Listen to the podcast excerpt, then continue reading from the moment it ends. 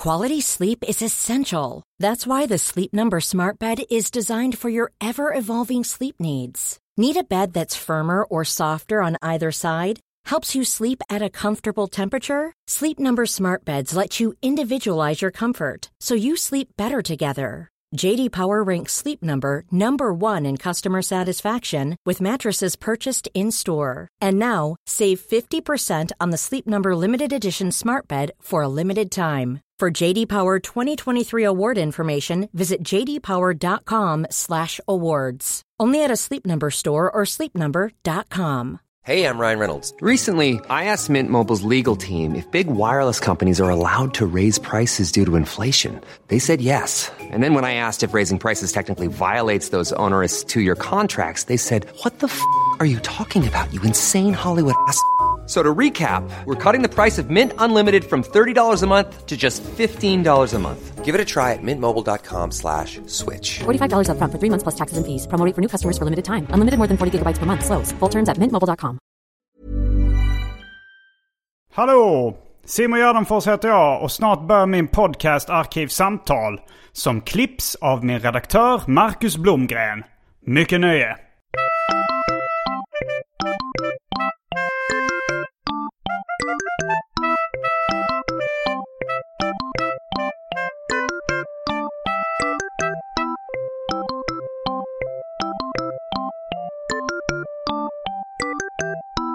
Hej och välkomna till Arkivsamtal. Jag heter Simon Gärdenfors och mitt emot mig sitter Kristoffer Vita.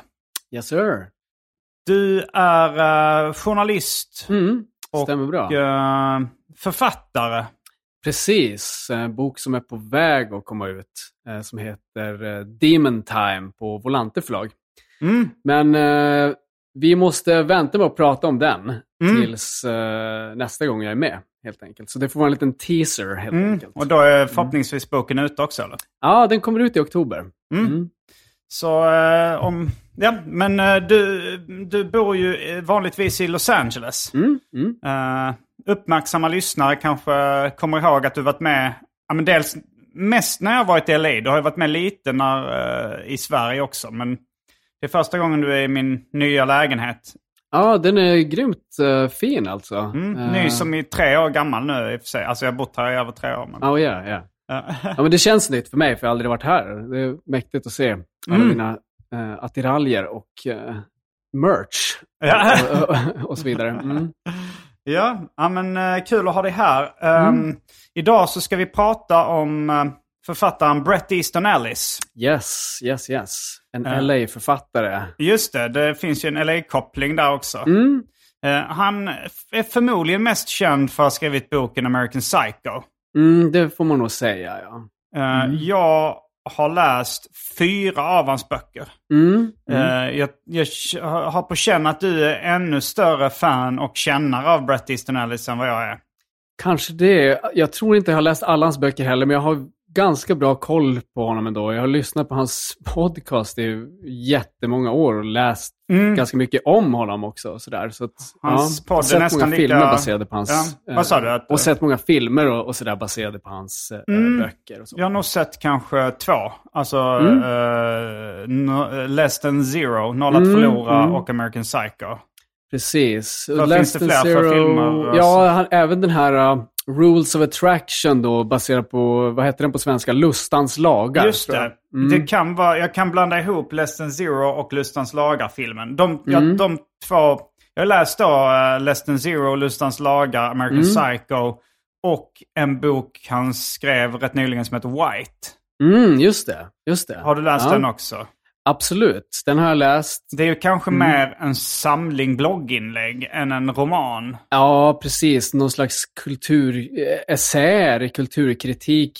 Eller, Mm. och även lite grann politik får man väl säga då, den här White. Va? Mm. Som, eh, han, alltså, jag vet inte, om jag ska säga bara vad, vad jag gillar med Bret Easton Ellis, eh, både som författare men också som någon slags eh, kulturkritiker, så är det väl att han är ganska mycket fritänkare. Liksom. Han känns som att han är ganska mycket eh, skiter i vad liksom, någon tycker åt något håll. Han är väldigt så här uh, Gen Xig. så, på ett sätt som jag kan respektera. Liksom. Skulle du kalla här- honom för en ironiker? Det skulle jag nog inte göra. Nej, för jag Nej. tänker att Generation X är rätt mycket förknippat med ironi. Mm. Ja, precis. Däremot så är väl eh, det här med att inte ta allting på största allvar är väl Mm. lite mer hans eh, grej. Alltså att... eh, Frågan är om han är en provokatör. mm, Alltså, eller om han bara inte, alltså om han medvetet går in för att provocera eller om han bara inte bryr sig om vad folk tycker. Ja, det är en bra fråga faktiskt. För han var ju någonstans först med att bli cancelled innan cancelled var en grej. För American Psycho blev ju eh, alltså cancelled av sitt första förlag. Så, så de hade ju bestämt att den här ska vi fan inte ge ut helt plötsligt för att ja, det blev en massa protester och sådär. Den Sen är så, för grov helt enkelt. Ja, det var väl liksom mycket de här uh, grova våldsskildringarna. Så att, eh, och sen så blev det ju en mega smash-succé. Mm. Var det via den boken du upptäckte Bret Easton Ellis? Det var det nog. Det var nog för mig också. Ja. Alltså så här, när jag gick i högstadiet eller något sånt där så var den en, en snackis. Ja, och det visst. var, det var lite så här, nästan JVVF-kultur då. Att Ja. Det var någon tjej som sa, jag fick den här av en eh, äldre kompis. Hon sa, eh, läs den här men säg inte att du har fått den av mig. Liksom. Mm. Och sen läste man den. Det var ju rätt, rätt snaffig liksom. Mm, ja, verkligen. Och eh, just det, jo men precis. Och, och det var ju, ja det var nog samma för mig. Det var någonstans där i högstadiet och alla snackade om det där. Mm, och då är vi ändå olika generationer. Ja, För när släpptes den? Mm, någon gång på 90-talet. Jag vågar inte säga Nej. exakt. För han debuterade där på 80-talet och han var ju rätt ung. Jag tror kanske som 21-åring. Jag tror han var med- 19 när han debuterade Ja, med så pass tidigt, eh, ja. Noll att förlora då. Just det. Eh, Och om den, eh, har, det kan vara 21 också. Det kan vara jag som är Ja. dålig på matte. Jag, jag, ja, jag vet att jag läste någonting om det idag. Jag tror att det Mm. var 21. Mm, eh, mm, mm. Men det kanske var att han höll på att skriva den från att han var 19 dessutom. Ja, det är nog inte omöjligt. Mm. Och, och, Men, eh, ja, men vi kanske ska ta det lite i kronologisk ordning. Nu, Mm. har vi, nu har vi gjort en, en kort introduktion av dig och eh, Mm. en kort introduktion av Bret Easton Ellis. Ja. Och mig känner ni redan, kära lyssnare. Mm. Men nu har det blivit dags för det omåttligt populära inslaget Välj drycken.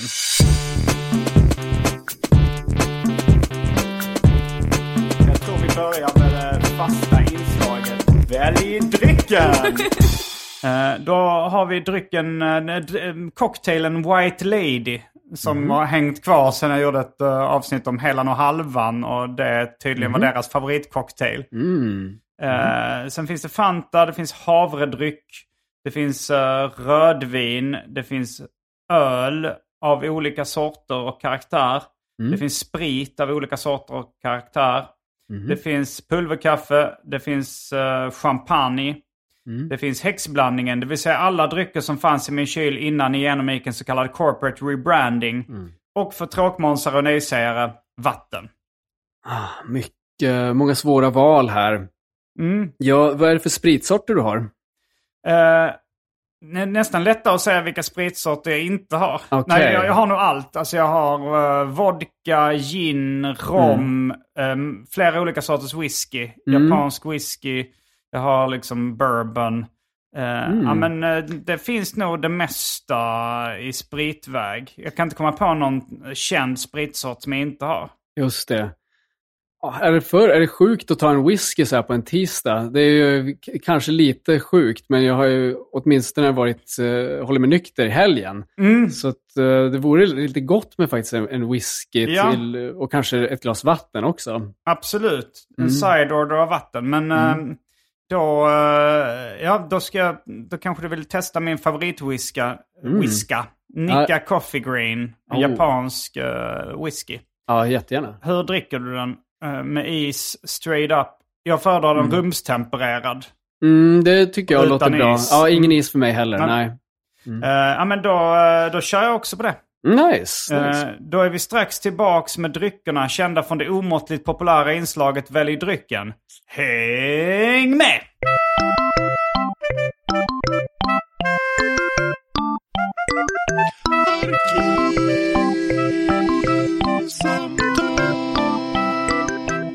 Då är vi tillbaks med dryckerna kända från det omåttligt populära inslaget Välj drycken. Vi sitter med varsin uh, Nicka Coffee Grain Whisky. Ja, skål. Men skål! Vi kanske ska klinga. Mm. Sådär. Den 9 augusti så kör jag stand-up tillsammans med Johannes Bränning. En av de roligaste som finns att se där ute. Vi kör stand-up i Stockholm på Snövit. Sen i Lund eh, den 2 september så blir det Specialisterna live. Det vill säga jag, Anton Magnusson och Albin Olsson. Och jag och Anton, vi fortsätter vår turné Stad och land i höst. Vi kommer till Göteborg, Norrköping, Hässleholm, Stockholm, Trelleborg, Malmö, Helsingborg och Växjö där vi även kommer spela in våra specialer. Så missa inte denna unika inspelning. Alla biljetter till de här grejerna hittar ni på gardenfors.com. Missa inte att köpa det innan allting tar slut. Mm. Ja, det var god. Mm. Mm. Jättegod. Rökig. Favorit. Ja, Eller ja, inte jag bara säger det. Det låter som något man ska säga när man pratar om whisky. Ja men, ja, men den är faktiskt inte speciellt rökig. Mm. Uh, vad- de andra Nicka from the barrel, eller vad den heter, den är rökigare. Ja, ja, ja. Mm. ja men det var Eh, jättegott. Mm. Men eh, då, eh, då kör vi igång. Alltså, Mm. Bret Easton Ellis, han föddes någon gång på 60-talet. Precis. Så han är Generation X då. då. Mm, jag tror jag Mm. räknas precis, jag är liksom slutdelen Mm. av eh, Generation X. Just det. Eh, Mm. Medan du eh, är... Är väl någon slags äldre millennial, tror jag. Mm. Ja. the, the elder millennials. Jag är en Ja. ung Gen X-are, du är en äldre millennial. Mm, precis. Känner du dig olika- kopplad till eh, Gen X? Identifierar du dig mycket med det? Ja, alltså jag, Mm. jag känner ändå eh, en släktskap med generation X. Alltså Mm. det här eh, eh, lite ironiska slash postironiska. Mm. När man, eh, ja, men kanske inte tar grejer på så jättestor allvar. Mm, mm, Och, mm. eh, men samtidigt, eh, Bret Easton Ellis, eh, i den här boken White så var han ju rätt inne på att racka ner på den senare generationen som han kallar Generation Wuss. Ja, precis. Att han tyckte att de var töntar. ja, exakt. Eh, exakt. Och det, det kunde jag väl liksom lite motvilligt hålla med om ibland. Mm, så, ja, men, mm. äh, var, inte så, var inte så mesiga. Ja, men eh, jag kunde, det är väl det också. Man känner Mm. en viss... eh, det kunde jag också känna att jag höll med om en hel del. Eh, Ja. Även fast det var min generation som han var dissade. inte så känsliga. Ja, precis. Eh, Lighten och det, det finns ju li- liksom... eh, det kan ju lätt bli kanske lite gubbsurt att vara så här, ja men nu får man inte säga det här och skämta Mm. Precis. om det här utan att... eh, men, eh, men ja, jag, jag kan ju hålla med om det till viss del. Mm, ja, men exakt. Jag vill gärna Ehm, kunna skämta om vad jag vill utan att, utan att det ska bli några sura miner. Mm, ja, det, men det är klart. Ehm, och det kom ju den där boken i någon slags, vad ska man säga, psykos efter Trump hade blivit vald. Så att det nästan, alltså det var liksom en, en överdos av den här wokeismen på något Just det, det sätt. blev en motreaktion mot mm. Trumps eh, liksom galenskaper. Mm, ja, men det, så att det nästan slog över till att bli too much på något sätt. Det, det Mm. som tidigare kanske kändes som att det var rim, rimlig, liksom, eh, eller vad man ska säga, progressiv politisk korrekthet Mm. på något sätt blev, slog över till näst, nästa psykos. Liksom. Och det det hans bok var lite av en reaktion på, Mm. kändes det som. Sen så eh, Sen var den att- ihop med en, eh, en millennial då. En, Ja, just- Någon snubbe som han eh, störde sig lite ja, ja. så bara låg, och låg och liksom var helt nerdeppad i soffan efter Trumps val. just det ja. Men, eh, men just det, ska vi börja i, i, eh, i Origin här? Första, Ska vi börja med Noll att förlora? För den hade Ja. du läst. Eh, Den har jag läst. Ja. Bara en grej Ja. Ja. till. eh, Liksom, har du någon koll på hans politiska hemvist? Alltså var, har, han uttalat sig var han står liksom eh, Mm. någonstans politiskt, Bret Easton Ellis? Så vitt jag har förstått det så är han nog apolitisk. Alltså Mm. att han, han vill vara i mitten. Av, han vill inte säga Han att han är någonting. Ja, ja, eller jag tror bara att han inte Nej, vara del av någon, Ja. någon politisk Nej, nej. eh, hemvist. Alltså så, som jag kan relatera till också, känner jag att jag, jag vill inte ha något med, med det där att göra. Jag är intresserad Mm. av liksom, eh, ja, film och, och konst och liksom, musik och sånt. Jag är inte intresserad av politik. Jag tror han Mm. har lite samma inställning på något Mm. sätt. Jag är inte heller speciellt politiskt intresserad. Nej. Men, eh, ja, men då, då backar vi bandet till hans Mm. första, hans debutroman som han då, vad jag har fattat som, började skriva i tonår, eh, tonåren, men den kanske kom. Eller så skrev han den då snabbt när han var 21 eller 20. Mm.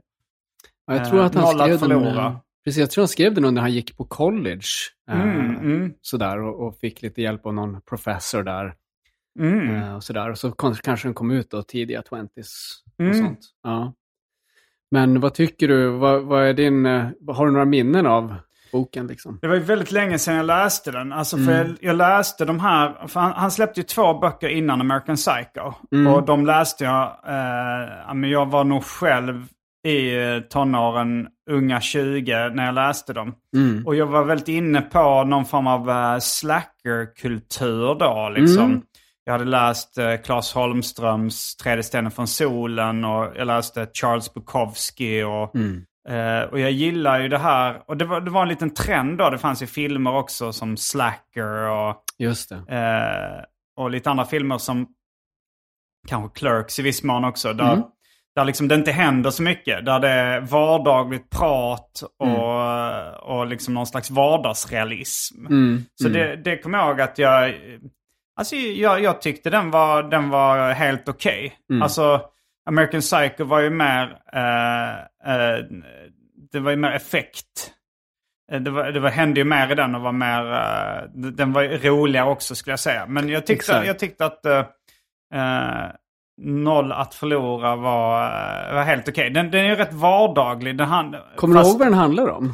Det är väl den som handlar Ungefär. om en, en eh, snubbe då som verkar komma från en ganska rik familj. Ja, Och jag tror att hans föräldrar är bortresta över sommaren eller något sånt där. Att han är ensam hemma i familjehemmet då. Mm. Och att det är ganska... Eh, att det Det är ganska händelselöst. ja Han det händer någon- inte så mycket. Det är Men- han och så han har det, han har en tjej och samtidigt har de en, en killkompis som heter Julian och, och det blir väl att och han prostituerar sig till slut. Va? För han, den här Julian eh, är väl någon slags... eh, jag vet inte om han, han, han har något drogberoende så han till slut Mm. börjar prostituera sig. Uh, alltså jag, har, jag tror också att jag har mest minnen från filmen Mm. eh, Less than Zero. Har du sett den? Jag är inte säker på Mm. om jag blandar ihop, eh, alltså så här, när kom den filmen? Jag tror jag kan ha sett, uh, alltså jag blandar ihop den med Lustans lagar-filmen Mm. Ja, då, ja, men, Rules of eh, Attractions. Alltså jag läste de Mm. två, jag tycker de två första böckerna påminner mer om varandra än sen liksom American Psycho tar ett, ett kliv åt ett annat håll. Mm. Alltså de är mer så här ungdomsrealistiska böcker. ja. Eh, college eh, eller high school eller vad, vad de utspelar sig på. Jag tror, liksom. ja men precis. Eh, jag, jag, vet, jag vet inte, alltså för filmen börjar ju på julen. Då kommer han hem på julen. Och så får han, en- alltså han- jag tror att huvudpersonen heter Clay då. Mm. Han kommer hem på julen och får någon slags eh, inbjudan till en julfest där det står Let's fuck Christmas together. Mm. Eh, och, eh, eh, och i filmen så, det är ju en ganska liksom påkostad, jag tror den kom på 80-talet, det slutet på 80-talet. Kom filmen då? Jag tror det. Eh, Mm, ganska kort kom- efter boken. Inte, så, Okej, inte så långt ja, efter mm. boken. Så att, och, och med en ung eh, Robert Downey Jr. spelar den här eh, Julian då, som är hans kompis. Jag kommer inte ihåg vad huvudrolls, eh, vem som spelar huvudrollen. Men, men det är de här tre vännerna och det är ju den här lite grann... eh, det finns ju något lite grann bisexuell vibe kring den här, de här eh, tre vännerna. Liksom. Att man Mm. vet inte om Clay är liksom gay eller inte. Det är lite oklart. Eller om han är Mm. bisexual. Det är väl, Lite som Bret Easton Ellis själv. ja, det Han- var väl, alltså han var ju, han har ju sagt många gånger att han var i the glass closet väldigt länge. Alltså så att folk visste att han var gay, men han ville inte gå ut och säga det kanske. Mm, men att mm. mycket, men många Han av var väl hans... eh, bisexuell eller? Han är nog gay. Alltså jag tror bara han Ja. är fullt, full gay, men att han har haft lite den här... Han har velat hålla det lite, liksom... Uh, vad Jag läste på kalla det? Wikipedia att han hade haft relationer med kvinnor också. Ja, han har ju... Han var en gång på dejt med Monica Lewinsky, vet jag, hörde jag. Hans eh, podcast. Men, var det men, innan eh, eller efter Trump? Eh, I och för sig, det... Clinton menar du? Äh, äh, Ja. Clinton menar jag. Ja, det var nog innan dess. Okej, eh, innan dess. Då måste hon vara väldigt ung. För Eller hon var var ju det 19 efter när det? Clinton Ja, det var nog efter det då. Ja, Just, okej, det måste ha varit efter det. Men, men då var han redan bög, alltså ute som bög. Eller kanske inte ute, men då var han, visste han att han var det. Och jag Mm. tror att han, alltså har sagt eh, att han har nog vetat att han var det, men att ja, han var i the glass closet, som han, Mm. som han eh, kallade det då. Men, eh, men just det, men det händer inte så jättemycket i, i Noll att förlora, förutom att de, de här rikemanskidsen driver runt i LA och liksom, det, det är någon typ av, alltså ett tema i hans böcker som ändå eh, kanske återkommer i, även om American Psycho är mer effektfull och så, här, så att han har den här, vad ska man säga, en kyla och distans. Mm. Och eh, som han, alltså, för att citera honom, eh, den här eh, numbness, att han ville, tr- tror jag, få, fram det i den här Less than zero, att numbness is a feeling too. Alltså, att man är avdomnad. Det är Just lika, han vill liksom, han, det var det han ville fånga på något sätt. Mm. Jo, han är inte, det är inte några känslosvallningar. Det är ingen sån liksom unge Werthers lidande. Precis. Eh, men nej, det, det, det, är, ju- det är väldigt... eh, och, och det var ju ganska... Det känns också som en sån här 90-talsgrej från Mm. slacker-kulturen. Liksom, om man säger Per Hagman eller Claes Holmström eller dem. Det känns också väldigt... Uh, ja men uh, nam. Eller vad, vad säger man? Avdomnat. Mm. Ja, ja, det är svårt att höra. Jätte, Det är inte så jättebra svenskt ord egentligen för, Nej. för namn. Men Likgiltig kanske. ja, ja, Fast det är inte riktigt samma. nej. Men uh, utspelar sig boken, är han från The Valley i LA? Eller är det, alltså var utspelar sig Mm. böckerna? Ja, kanske är det någonting som, Sherman Oaks kanske till och med. Sherman Oaks ja. Det är någonting sånt där. Har du va? varit där? Ja, jag har varit i Sherman Oaks. eh, jag har inga, ingenting att säga om det egentligen. Alltså, Ganska det är lite, rikt område. Ja, Mm. precis. Det, men han var väl ändå, tror jag, jämfört med sina vänner så var han nog eh, inte den rikaste sådär. Nej. Utan han var nog, men han, var, men han definitivt kom ju från ganska, liksom, eh, ja, väl beställd familj och, och sådär. Men liksom frånvarande farsa Mm. och lite eh, alkoholiserad farsa också som kanske inte var helt accepterad. Äh, accepterade kanske inte att han var gay och sådär heller. Eh, så att, mm, men ehm, ja, nej, men den är, den är liksom, ehm, den är helt okej också. Jag, sen så har han ju, vet jag, inte varit supernöjd med filmatiseringen av Less than Zero för att där så gjorde de det som en sån, gjorde de en grej då av att Robert Downey Jr. spelar den här drog, eh, liksom att han går ner sig i drogtrösket. Mm, att det blir mm. liksom lite för sådär... Är det moraliserande? Ja, lite för sätt? Mm. moraliserande så att han till slut liksom blir, börjar prostituera sig. Och att Mm. han då är less than zero. Men att det är så här, det var inte riktigt det Ellis riktigt ville åt. Nej, Så han, därför han har har ju han- mer en neutral inställning till det här. Mm, alltså, jag det tror känns det som. Jag tror det. Så Mm. det var det han, tror jag, var lite missnöjd med när det gällde filmatiseringen. Um, mm. Jo, Nej, men, men jag kommer ihåg, jag, jag, jag tänker på den, tänkte på den boken ganska mycket förr när jag så här var kanske ung vuxen. Mm. Men hängde i mina föräldrars hus eller lägenhet och sen efter de skilde sig. Och de inte var där. Mm. Alltså de kan vara på sin sommarstuga och man hade någon sån här sommarlov. Och bara hängde i liksom. Och de, och de hade liksom lite, lite kanske lyxigare hem än vad jag hade då som, Mm. som 20 20-åring. Och då kommer jag ihåg att jag brukar tänka på den. Ja men nu är det som i Less than Zero. Jag hänger här i ett liksom, lite lyxigt hem. Mm. Jag har inte mycket att göra. Mm. Jag, jag bara glider omkring. Påminner också pyttelite om uh, Häng City. Uh, Ja. Om du har hunnit läsa den. Ja, men det har jag läst. Mm. Mm. Det handlar också om det. Han är ensam hemma, en ung kille. Ja, exakt. Det är lite yngre kille där. Mm. Hur gammal är han? Han är 12, 13. 13? Mm. Ja, precis. Jo, ja men visst, det är en särskild, det är en speciell känsla. Mm, mm. Ja, men det är Definitivt. rätt, både mysig och lite deprimerande på samma gång. Ja, och kan ibland vara lite eh, läskig också, obehaglig. Det kommer ju fram sen då i Ellis, om vi, det kan vi komma in på sen, men hans senaste roman The Shards Mm. är ju, utspelar sig också i samma ålder, alltså när han är eh, i tonåren. Mm. och också är mycket ensam och glider runt i, i Los Angeles och så här. Men ehm, eh, vi kan gå vidare med det sen. Men, men det är liksom intressant, han pratar ju mycket om liksom den här uppväxten i LA på 70-talet, att det var en sån jävla liksom frihet att bara typ, ja men så här, ja, när han var typ 8-9 bast så kunde han gå, till, gå, gå ner, gå på bio själv. Eh, och lite grann så här som li- lite grann som jag kan själv relatera till, att man hade en fri uppväxt fast jag växte upp i liksom i Luleå, precis som i Mm. Häng City. Då.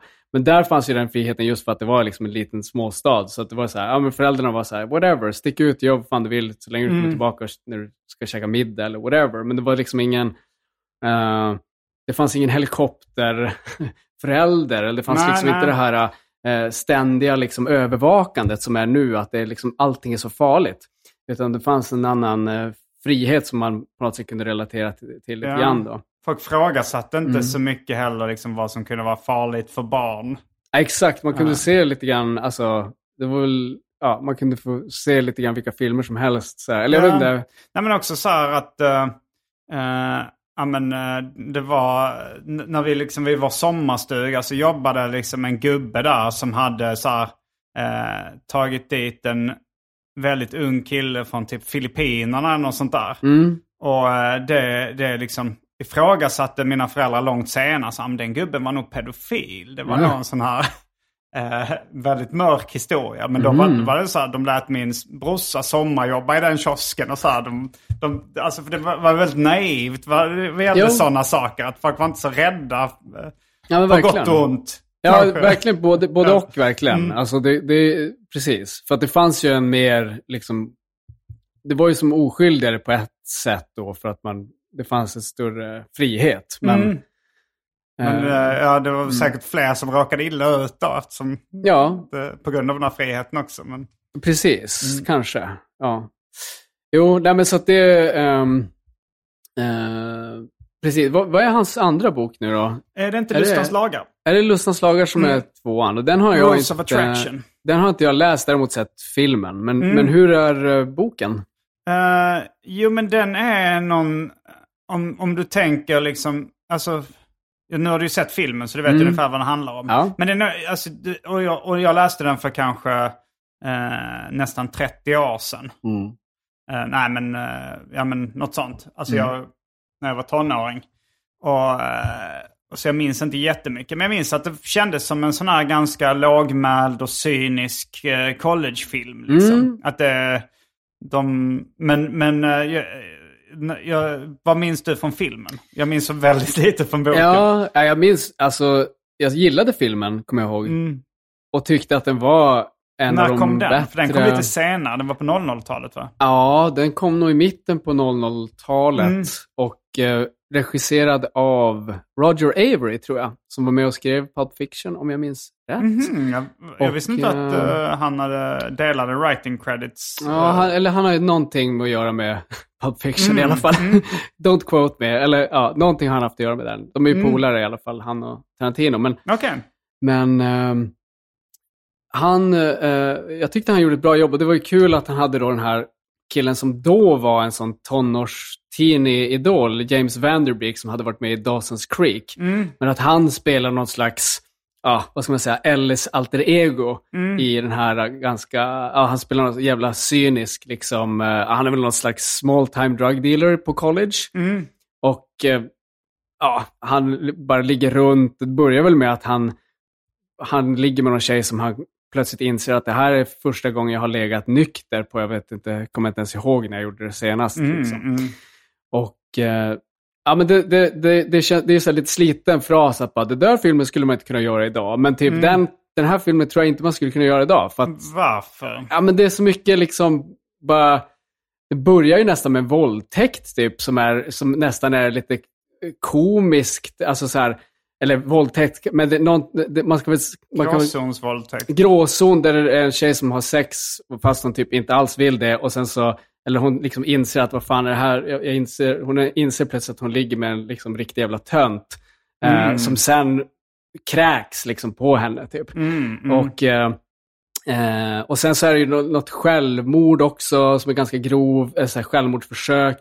Mm. Eh, den, är, den har ju rätt mycket liksom, eh, grova saker just med, för man kan väl tänka sig att den känsligaste målgruppen är just kids som går på college i USA nu. Mm, just det. Ja. som är mest så här, uh, oh no, Och det- trigger warning och så vidare. Just det, och de Så- gamla collegefilmerna förr på 80-talet och sånt, det var ju de som var minst moralistiska. Mm. eh, oftast. Ja, men de- exakt. mm. Och den här är ju också, den är ju lite som en, alltså det är det att den har väl vissa liksom, jag vet inte om man kan kalla den komedi, men den, den har komiska, den har en komisk ton ibland. Ja. Fast den har ganska liksom uh, tunga ämnen hela tiden. Jo, men kanske lite som Harmony Korines eller Todd Solondz filmer är Mm. också den typen av mörka komedier som är Exakt. liksom någon blandning mellan drama. Att, att det, blir, det blir så mörkt att det blir roligt ibland. Mm. Liksom. Jo, men precis så är det ju. Mm. Absolut. Eh, den har ju, sen så har det, det är ju också sådär, den handlar inte om så jättemycket va. Det är, det är lite de, de här kidsen som hänger runt på något, det är väl förmodligen som den här colleget som Ellis gick på, som var någon sån här liberal Mm. arts college där allting var ganska slappt. Eh, och, och liksom, eh, vad, han, vad fan, jag kommer inte ihåg vad det hette där han gick, men, men vad heter det i, i, i, i filmen? Heter den Camden eller något sånt där? Jag vet inte. colleget. Men där, det är liksom, de festar mest och Mm. eh, ja, det känns som att de på något sätt redan när de är så unga har, har eh, gett upp. eh, de har inga illu- illusioner om liksom romantik eller så här. Allt, de är redan jävligt cyniska. Liksom. Ja. Jo, men det är väl också en grej jag gillar med böcker och film ofta är när det inte händer så mycket. Mm. Alltså jag kommer ihåg när jag såg filmen uh, Juice. Mm. Alltså då som, som i drycken, inte rasen. Just det. Ja. Eh, alltså med Tupac Shakur i en Mm. av rollerna. Det är en 90-talsfilm. Att då kommer jag ihåg att jag gillar det här vardagslivet som de levde i, i Brooklyn eller vad det var. De, Mm. de liksom uh, dricker Fordis och hänger på någon arkadhall och lagar lite mat och Mm. snackar skit och så här. Och sen, sen börjar handlingen komma igång när de så ska göra något rån och skjuter någon uh, butiksinnehavare och det Mm. blir liksom, en blir galen. Och då Just blev jag så det. besviken och tänkte att Fan, nu kommer, jag, jag hade velat stanna kvar i den där vardagslunket när de bara Mm. etablerar karaktärerna och, och deras eh, tillvaro. Att det är Mm. det jag hade velat se mer av. ja, Men, eh, men jag tycker lite synd då när det, när det börjar hända grejer. jag fattar. Ja, ja, ja, men jag fattar det. Vad heter det? Hangout Movie? Eh, Kanske heter kallas ibland, eh, Kanske slackerfilm kanske också. eh, Ja. Men, men hangout movie, ja. Jag vet inte Ja. om det, är- det är någon sån här jag har hört att Tarantino sagt, hangout movie, att han gillar det för att just man får hänga mycket med Mm, karaktärerna mm. och som den här Hateful Eight är ju lite så att Ja, visserligen har den ju en massa intrikata liksom eh, hemligheter och folk som ska försöka fucka över varandra, men det är ju mycket det här man, man umgås med karaktärerna längre tid utan att man vet ja. om någonting riktigt. Jag kommer ihåg uh, Agro, min kompis, han sa det om filmen eh, Late 90s. Han sa ja men den är som filmen Juice fast utan mordet. Att där är det bara att de, de hänger omkring. De skater och... Ja, Mid-90s. Ja, Mid-90s ja, heter den. Ja, den är Late grym. Ja. Mm. Den är riktigt grym. Mm. Men, Men, ehm, mm. Ja, var var vi någonstans? Vi var på hans andra lagar. bok. eh, Men jag har inte så mycket mer att säga nej, om den. Då kanske vi går vidare till hans tredje bok. Mm, Som är det mest kända då. den mest kända. American Psycho. Mm. Jag, eh, jag läste boken på 90-talet. Jag Mm. såg filmen på bio när den kom. Mm. Eh, den känns som att den har blivit en nästan ännu större klassiker sen filmen kom. Mm, mm. Alltså nu, eh, jag hörde någon eh, komiker på typ Big Ben häromdagen referera till den liksom så här, ja men det är som så Patrick Bateman, du eh, har en sån spegel när du har sex. Då Ja. gissar jag på att, att de refererar till filmen då och Mm. kanske, jag vet inte exakt om det skildras i boken, att han tittar sig själv i spegeln när han har sex. Det kommer inte jag heller ihåg, men han är ju väldigt fåfäng i boken och han är ju... Ellis har väl också, jag går hela tiden tillbaka för jag kommer ihåg grejer han har pratat om, men, Mm. men han sa väl det att, att eh, han kände väl sig före sin tid på något sätt när det gäller att kritisera, vad ska man säga, eh, den här typen av narcissism då. Han menar på att Bateman, han var liksom, det var eh, en mans serie av selfies egentligen bara, Mm. i hela den här boken.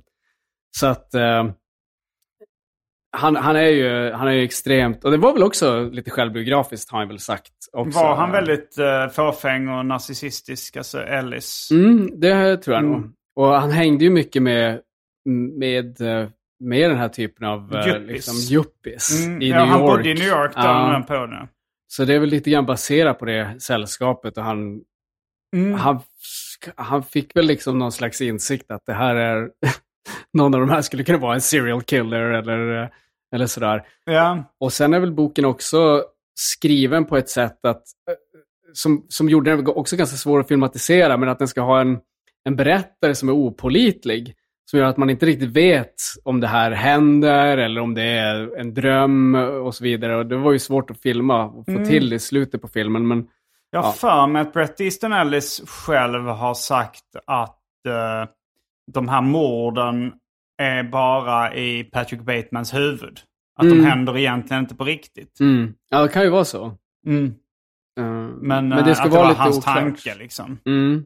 Men, eh, men jag, jag är inte helt hundra på det. Men jag tycker den... den eh, det, jag, det är nog ändå min favoritbok, även om det händer Mm. mer i den än, än eh, de tidigare böckerna har gjort. Men Mm. det är också det här... Ja, men dels...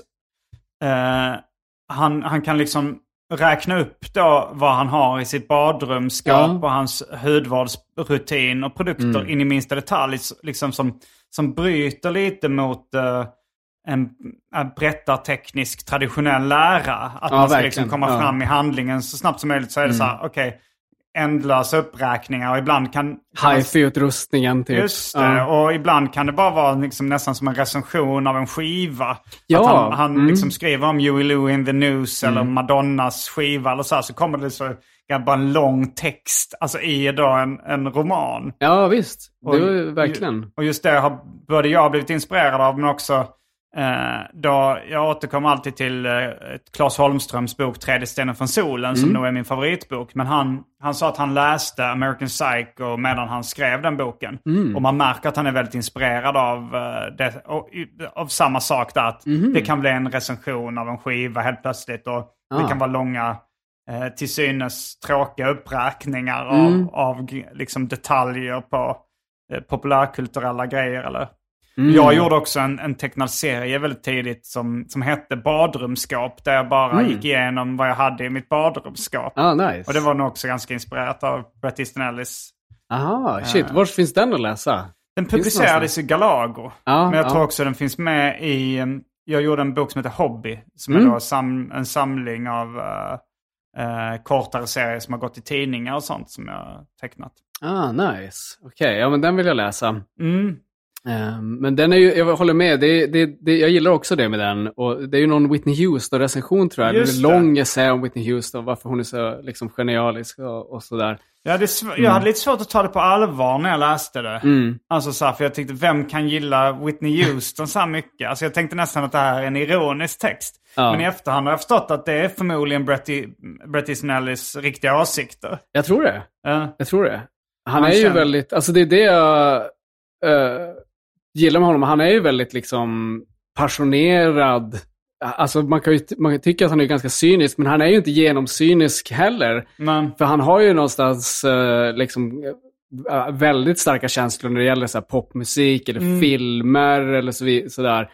Ja. Ehm, och det är väldigt... ehm, ja, det är ju det okreddigt att gilla liksom Huey Lewis Mm. the News och Whitney Houston. Speciellt på den tiden när han skrev det. verkligen. Liksom. Men han verkar ju vara... Han verkar ju inte... Ja, men han, han verkar ju... Alltså, på det sättet är han ju också ganska fri. Ja. Att han, eh, han verkar inte bry sig om vad som är, är hippt eller kreddigt. Utan bara det han gillar. Ja, Men det var nog därför jag trodde det var ironiskt. För det här är så, det här är så otroligt okreddiga band Verkligen, han hyllar. ja. Liksom, och det var innan innan det blev stort att göra det. Alltså Mm. sen eh, runt 10-talet tyckte jag att liksom, kulturjournalister började skriva då om Paradise Hotel och, Mm, och Kardashians och sånt liksom, som var lite fulkultur Mm, på, mm. Ett, eh, på ett allvarligt sätt. Liksom, att nu, även, eh, nu är det ju nästan bara så. Alltså Mm. nu har det nästan gått...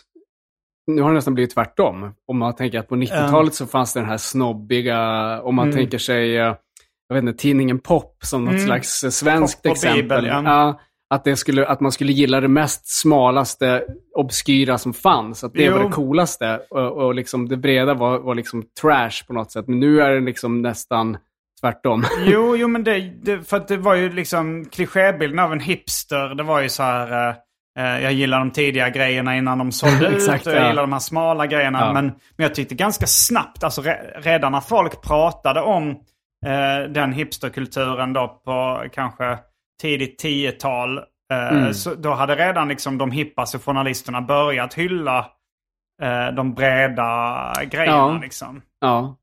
Eh, Så det stämde nog inte riktigt. Det är nog en gam... Jag vet inte. En lite förlegad bild av hipstern då. Som Mm. Ja. var en för-hipster. För man pratar ju inte riktigt om hipsters på 90-talet egentligen. Nej, precis. När det, var, när det var stort och, var, och gillade smala och det... Men nu känns det som att det finns ingen riktig eh, mm, subkulturuppskattning. eller vad ska jag säga, nischad. Eh, Att folk gillar det som är underground eller liksom... ja, eller det finns väl, ja, nej men det, för allting blir ju väldigt snabbt. Eh, det går väldigt snabbt från underground till att bli mainstream nu, kanske på grund av så internet. Alltså jag Ja. tänker bara på så här, hur Soundcloud-rap Mm. blev liksom mainstream på några sekunder och sen dog ut. Liksom, och, så här. Mm. och sen kom väl ingenting direkt och ersatte det, förutom kanske då mera mainstream. Eh, Inom rap. ja, eller ja. Ja. Mm. Men skitsamma, det blev lite sidospår. Men, Ja. men, ehm, men precis, men det, det eh, om tillbaka till American Psycho, alltså där är ju våldsskildringarna fortfarande några av de eh, grövsta som man har läst, tror jag. Eh, när det gäller de här, uh, ja, man hade någon idé om någon gerbil som, eh, Just det, som det är någon slags någon slags- gnagare va? Ja, som han för upp i någon prostituerad, vad fan det är. Alltså det är någonting jävligt eh, liksom, eh, eh, det är ju också så här eh, chock, Ja, eh. JVVF nästan, Mm, tänker man ju absolut. då. Ja. Så att, ehm, Men att han lyckades göra det rätt mainstream ändå på något sätt. Ja. Det finns ju inte de grövsta scenerna med i filmen. Det det Nej, exakt. Det är väl inte med att han för upp någon, eh, något djur. Nej, nej, nej, det är ju inte med. Det, det, det, var- det värsta som hände. Jag vet inte om man får se så mycket i filmen egentligen. Nej. Men det, det är också sådana här liksom, Ja. att, eh, att han säger grejer i förbifarten så här. eh, eh, ja, men, Hey, I'm Ryan Reynolds. Recently, I asked Mint Mobile's legal team if big wireless companies are allowed to raise prices due to inflation. They said yes. And then when I asked if raising prices technically violates those onerous two year contracts, they said, What the f are you talking about, you insane Hollywood ass? F- So to recap, we're cutting the price of Mint Unlimited from $30 a month to just $15 a month. Give it a try at mintmobile.com slash switch. $45 upfront for three months plus taxes and fees. Promo for new customers for limited time. Unlimited more than 40 gigabytes per month. Slows. Full terms at mintmobile.com.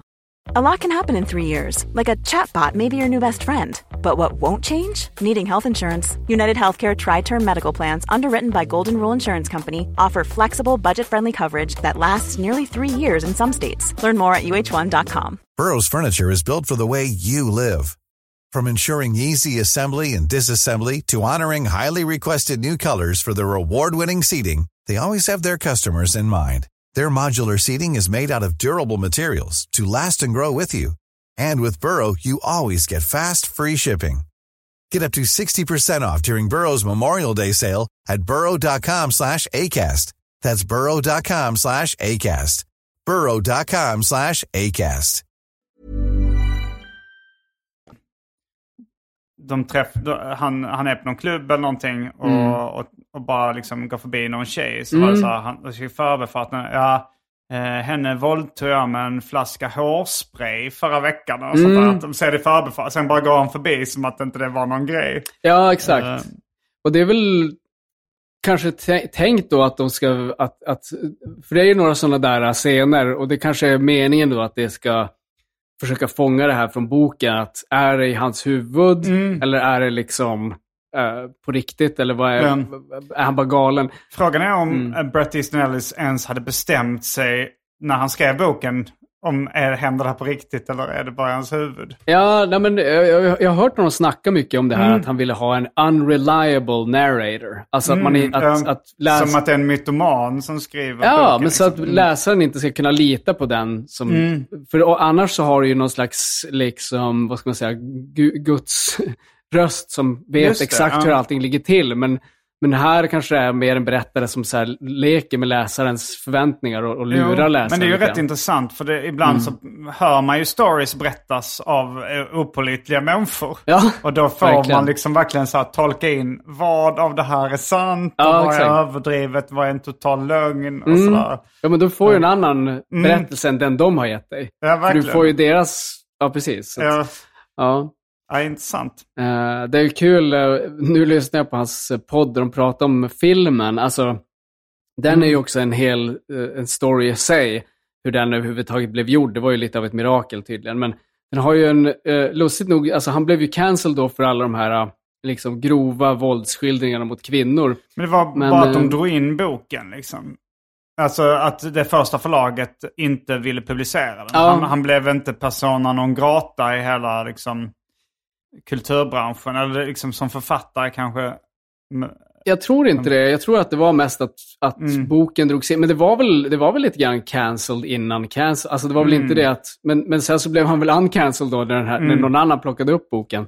Eh, och, eh, och det blev en hit. och det blev en eh, mega-hit. Och, eh, och sen, men sen tog det ju ett tag, för filmen kom väl inte ut förrän början på 2000-talet. någon gång, va? Mm. Och eh, då är det ju en kvinnlig regissör och en kvinnlig manusförfattare. Ja. Eh, vilket är intressant. Jo, det tog ju... Mm. Alltså nu är man ju ganska medveten om att det är en stor grej eh, bland kvinnor. Alltså som så här, mordpoddar är väldigt poppis bland Ja. kvinnor. Och då fattar man att, eh, eh, att det är väldigt stort. Men då Mm. tyckte jag också, va, va, är det kvinnor som har gjort den här filmen? Mm, ja. Men, den har ju blivit en kul story från eh, inspelningen, eller castingen av eh, Mm. den här American Psycho som jag hörde på hans, eh, i hans podd och när de snackade med manusförfattaren också. Mm. Hon berättade ju, hon är lesbisk då, jag kommer inte ihåg vad hon heter. Men, och Mary Harron tror jag är regissören som var då höggravid när de gjorde castingen för Mm. filmen. Eh, då är, du vet, Jared Leto är ju med i filmen som spelar en biroll tror jag. Eh, han spelar någon slags eh, annan sån här finanssnubbe. Va? Mm.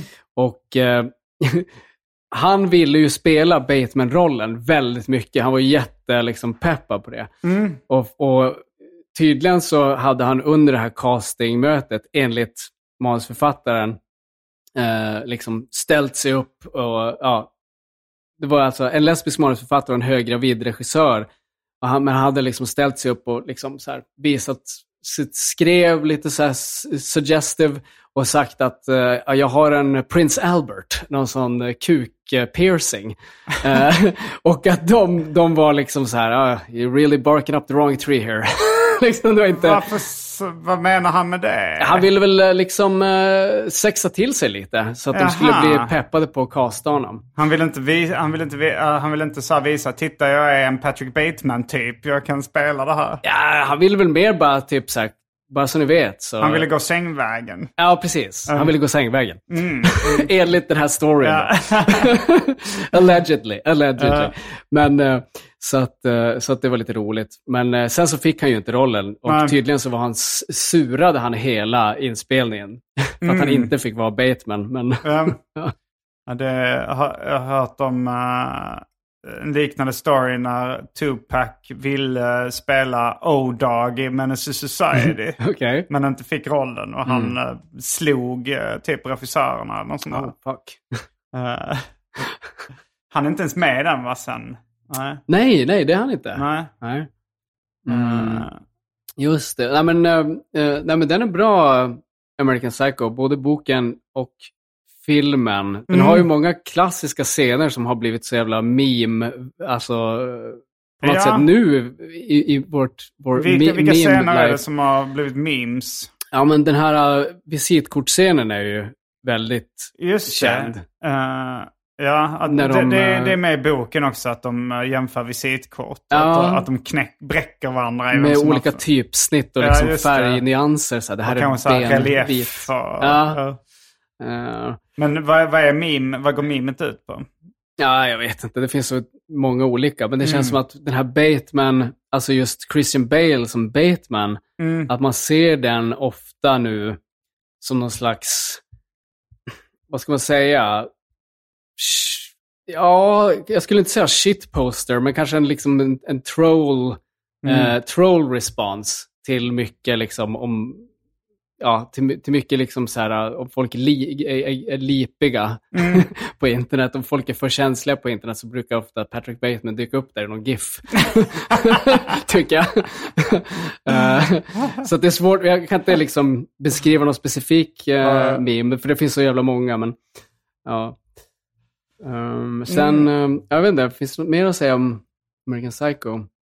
Uh, nej, men det har, väl, det har väl liksom uh, talats lite om att det skulle vara en kritik mot 80-talets um, uh, ytlighet och, Mm. och sådär. Jag vet inte om, om det var hans tanke. Han ville ju i och för sig göra narr av de här finanssnubbarna han hängde med. Men Jag tror att det är både och, eh, precis som det är med allting med Bret Easton Ellis, att så här, eh, och det är därför jag gillar honom. mm, Eh, för att jag, alltså det, det är den typen av liksom, eh, jag vet inte, filmer och författare och whatever som är intressant är ju när man får se både lockelsen i någonting liksom, som är kanske anses vara omoraliskt mm, och man får se liksom vad det negativa är och vad liksom problemet med det är. Alltså att det finns både en kritik men också någon typ av förståelse för lockelsen eller förståelse för den eh, dubbelheten någonstans. Mm. Alltså människans dubbelhet.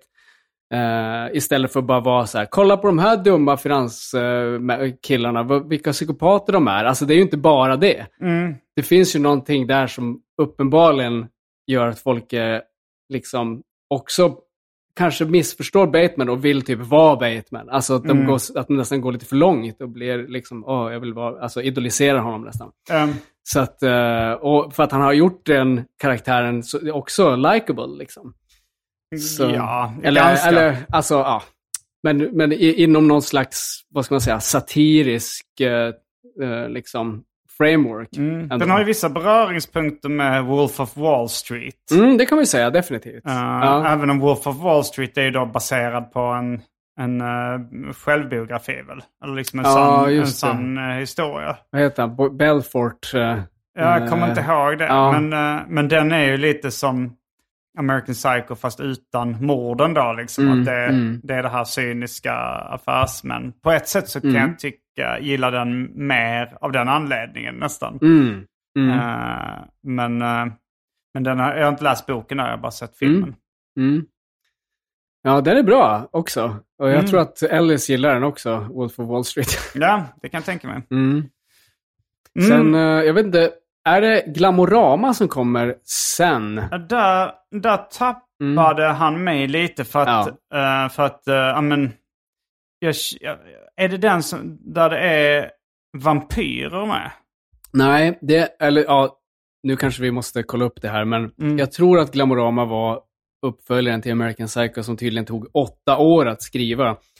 Och Så här- Glamorama, åtta år skrev han. Ja, Mm. eh, och han bodde väl i New York och skrev då om mode, alltså så här, mo, i- it, ittiga liksom, människor i modevärlden. Och någon huvudperson då som heter, vad heter han, Victor Ward, som eh, mm, blir inblandad i någon slags terrorgrupp eh, med modeller. Så han är någon Mhm. slags modell och det börjar ju liksom med att så här, ja men det det är liksom, alltså nu känns det här så jävla daterat för att det är liksom bara liksom så här modemärken hela tiden som liksom allting vad alla har på sig. Alltså allting är så superdetaljerat verkligen beskrivet. Det är en ganska tjock bok också, så det är det. man blir lite trött på det här. äh, Finns det några Pladdret. övernaturliga inslag i den eller är den realistisk? Nej, det, den är realistisk, alltså någorlunda då. För då, då, alltså, var, då hade jag nog läst den om jag hade fattat det. Det var Mm. nog att jag, att jag hörde ryktas, fast de syftar nog på hans nästa bok. ja, men det då. finns en med Mm. vampyrer. Ja, och det är nog den jag trodde. Jag, jag var, var nog så osugen på att läsa om vampyrer att jag bara jag tänkte att ah, men det är den om vampyrer. Det vill jag inte Ja. läsa. Liksom. Ja, men Men. Glamorama kanske jag hade uppskattat av. Fast du verkar spontant det- känna att du verkar lite kritisk mot Men den. det, Men... det, det är svårt att säga, för nu, jag har liksom inte läst den sedan gymnasiet Nej, eh, ja. ungefär. Så att, Tyckte du den var bra då? Jag, jag tyckte att vi- vissa delar var bra, men att Mm. jag också fick plåga mig igenom vissa delar för att det var, Mm. det var lite grann det här, alltså det, det som jag ändå gillade med American Psycho, och som du också beskriver, eh, det här lite grann, eh, ja men han, han beskriver liksom kläder, mode, och allt det här. Mm. Lite kanske väl, eh, det, det kanske är lite väl liksom pladdrigt på något sätt. Jag, jag, kan- jag, Mm. Han har tagit det till en överdrift, det greppet. Ja, och att det ska liksom bli någon slags kritik då mot den här modevärlden, den här ytligheten och så vidare kanske Mm. då. Fast som han även också är säkert fascinerad av och, och Mm. uppskattar. Så att eh, det är väl bara det att jag, jag vet inte om man om, man rikt, om jag riktigt kände att jag sögs in i den eh, handlingen helt och hållet. Jag tror att så här, det var där någonstans som jag började bli lite mindre intresserad av hans författarskap. Mm. Eh, för att den boken, den blev väl aldrig film. Jag tror att han sålde filmrättigheterna. Och sen gjorde ju ja, Roger Avery, gjorde, han har tydligen gjort någon slags spin-off på den här eh, boken. Han har gjort en spin-off-film som heter typ Glitterati. Mm. Med eh, den här skådespelaren Kip Pardue. Han är även med i Rules of Attraction. Men det är någon slags ganska...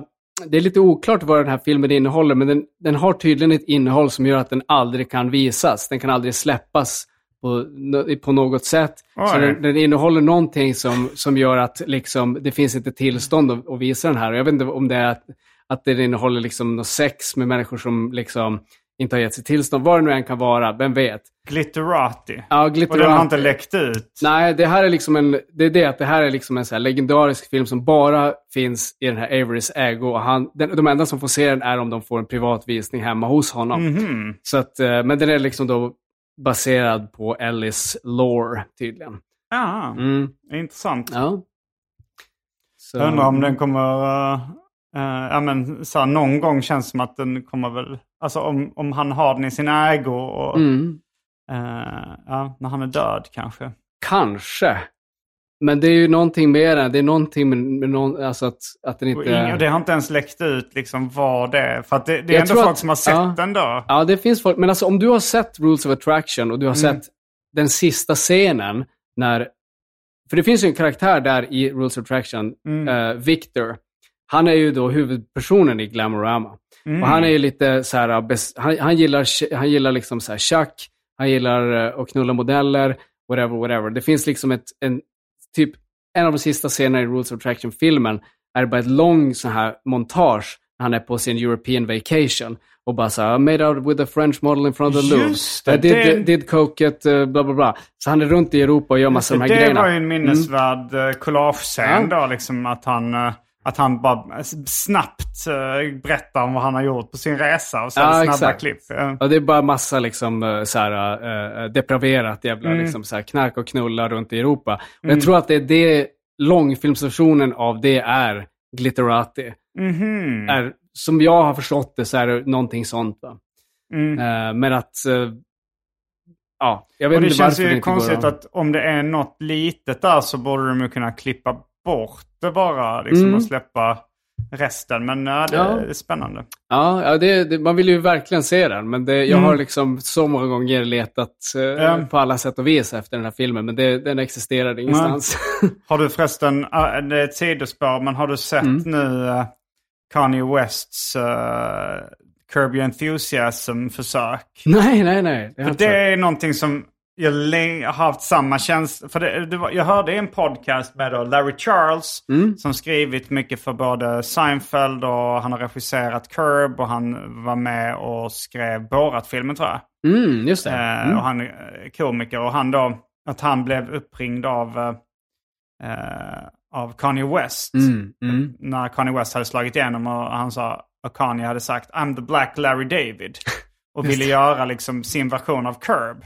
Right. Och att de då spelade in en, en, en pilot. Ja. Men som ingen tv-kanal köpte. Och då tänkte jag så här, men de har ju ändå Larry Charles och Kanye West. Ja. Då måste det vara riktigt uselt om ingen tv-kanal vill plocka upp det. För det Ja. låter ju rätt bankable. ja, faktiskt. Eh, och, och så var jag så här, fan att den inte har läckt ut. Och sen Mm. för eh, några veckor sedan så läckte den ut. Mhm. Så den finns på YouTube nu.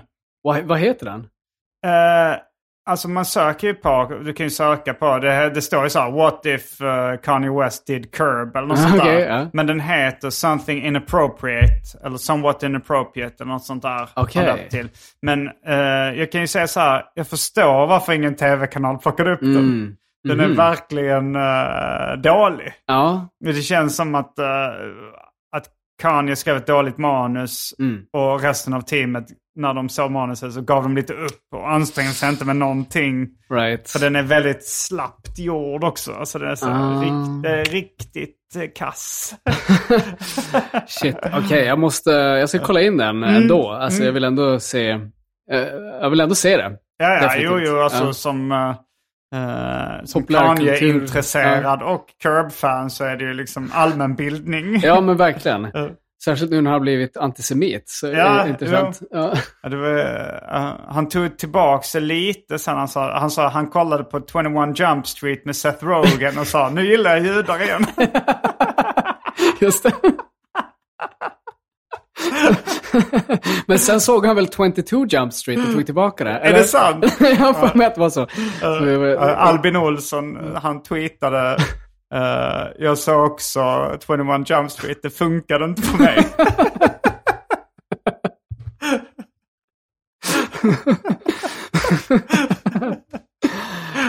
Ja, men 21 Jump Street, den är helt okej. Alltså, pretty good. Decent. Tv-serien eller, Ja, eller filmen, tänkte jag Ja, på. Jag har inte sett filmen eller tv-serien. Jaha, ah, okej. Ja, men filmen är helt okej. Var det Johnny Depps Nej, men det- genombrott var tv-serien va? Exakt. Hans- um, Just det, just det, just det. Och sen är det Jonah Hill, Channing Tatum. Ja, det är inte Seth Rogen, det är Jonah Hill. Aha, det är Jonah Ja, Hill. ja. Ja, jag blandade ihop Mm. dem. En annan cancelled man. Men Ja. ehm, ehm, just det, vad, vad ska vi gå vidare med Alice här? Ja, vi var ju Mm. på Glamorama. American Psycho, Glamorama. Till eh, Glitterati. Och vad kom sen? Är det då den här uh, vampyrboken kommer? Ja, L- Luna Park kanske kommer sen då. Och det är inte vampyrboken heller? Den har, jag har inte läst Luna Park kan jag vara Nej. helt ärlig och säga. Jag kan ingenting om den. Har du läst den? Nej. Nej. Jag, jag har faktiskt bara läst de tre första och White. Ja, okej. Och White är hans näst senaste kan man väl säga. Ja, just det. Jag vet ju att det finns en bok som heter The Informers, tror jag på engelska, som blev en film.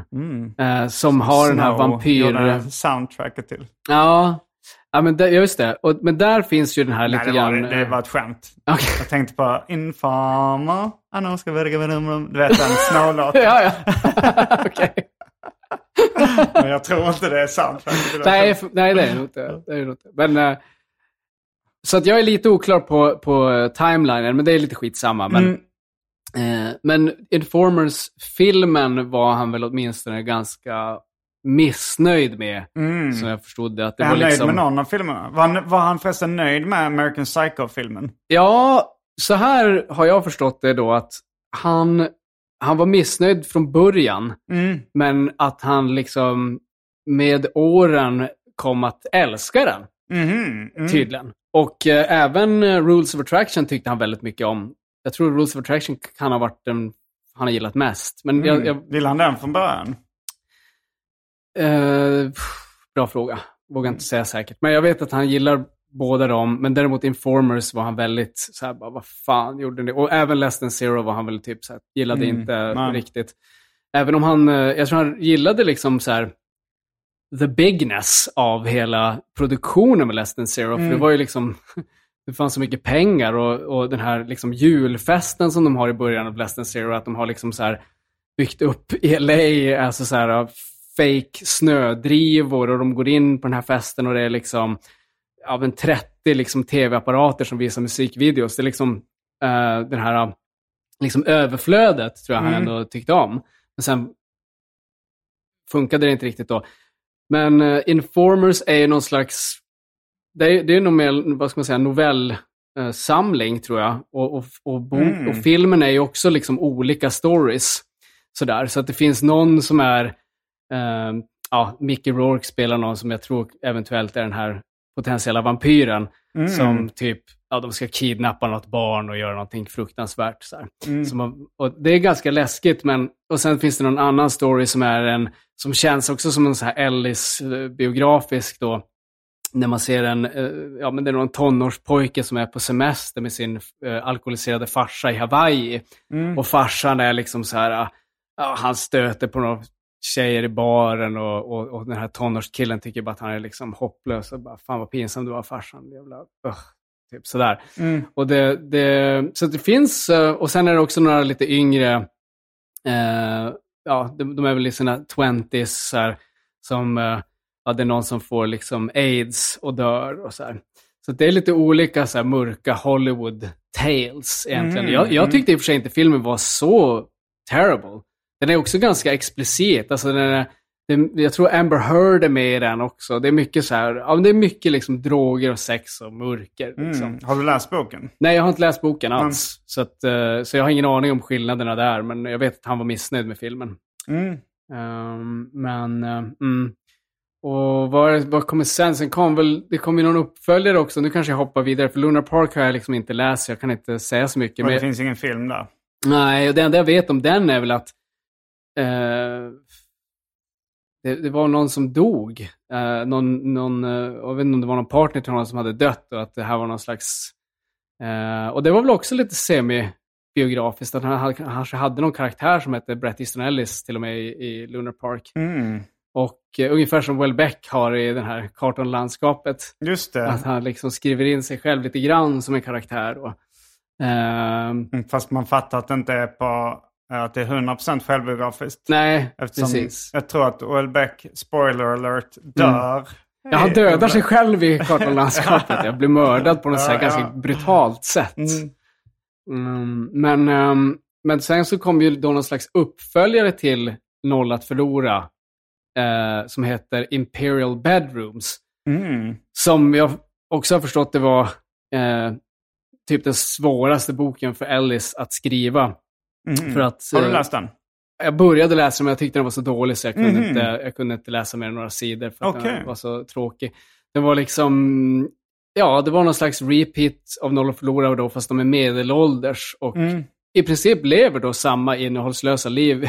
Jag tycker det låter eh, intressant. Ja, ja men det, den kanske är värt att återkomma, alltså Mm. gå tillbaka till den. Alltså, kan, att- det kan ju ja. vara tråkigt skrivet men, eh, Ja, det, ja, det... det, Det, det, är ju precis vad jag vill ha. mm. Medelålders män som lever innehållslösa Ja, liv. ja, ja, men visst. Men, men på något sätt i den här Hollywood-kontexten då med liksom, ja men de kanske, jag, tror, jag kommer ihåg en beskrivning i, från den boken som var ganska målande, att han träffade en, en som såg ut som att han hade blivit doppad i syra, för att han var så plastikopererad. Ja, ja, ja. Eh, så den, eh, det kommer jag ihåg, det fastnade liksom i minnet. Och det är väl lite den typen av, liksom, så, ja men, nu är de medelålders, men det är samma liksom Mm. eh, tomma liksom, tillvaro. Eh, och den blev väl inte heller film, eh, vad jag vet. Vi kanske ska eh, pausa där eh, och säga tack till eh, de vanliga lyssnarna. Mm. De ovanliga lyssnarna som är Patreons och donerar valfri sum- summa. De kommer få höra mer om Bret Easton Ellis. Kanske hans senaste böcker då. Ja, där finns det mycket att snacka om. eh, ja. Det ska bli spännande Mm. eh, att prata mer om det. Mm, det finns massor där. Mm.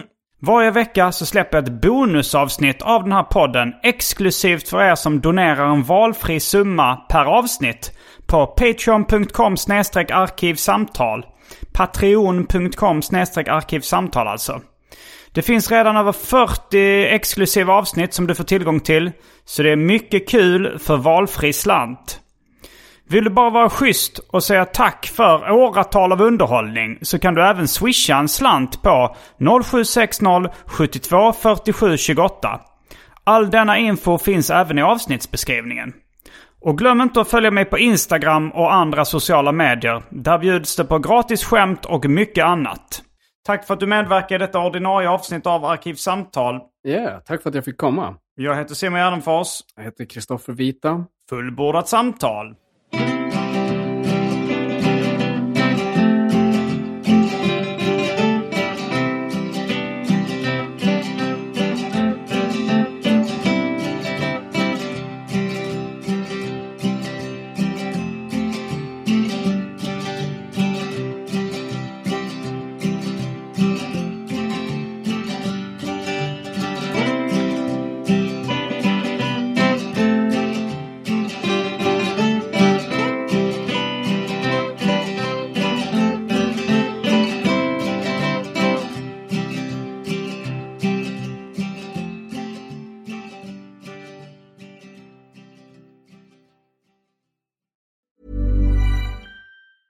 Planning for your next trip?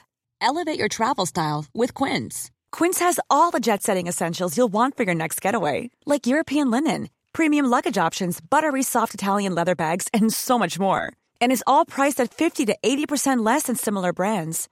Plus, Quince only works with factories that use safe and ethical manufacturing practices. Pack your bags with high-quality essentials you'll be wearing for vacations to come with Quince. Go to quince.com slash pack for free shipping and 365-day returns. Mom deserves the best, and there's no better place to shop for Mother's Day than Whole Foods Market. They're your destination for unbeatable savings, from premium gifts to show-stopping flowers and irresistible desserts. Start by saving 33% with Prime on all body care and candles. Then get a 15-stem bunch of tulips for just $9.99 each with Prime. Round out Mom's menu with festive rosé, irresistible berry chantilly cake, and more special treats. Come celebrate Mother's Day at Whole Foods Market.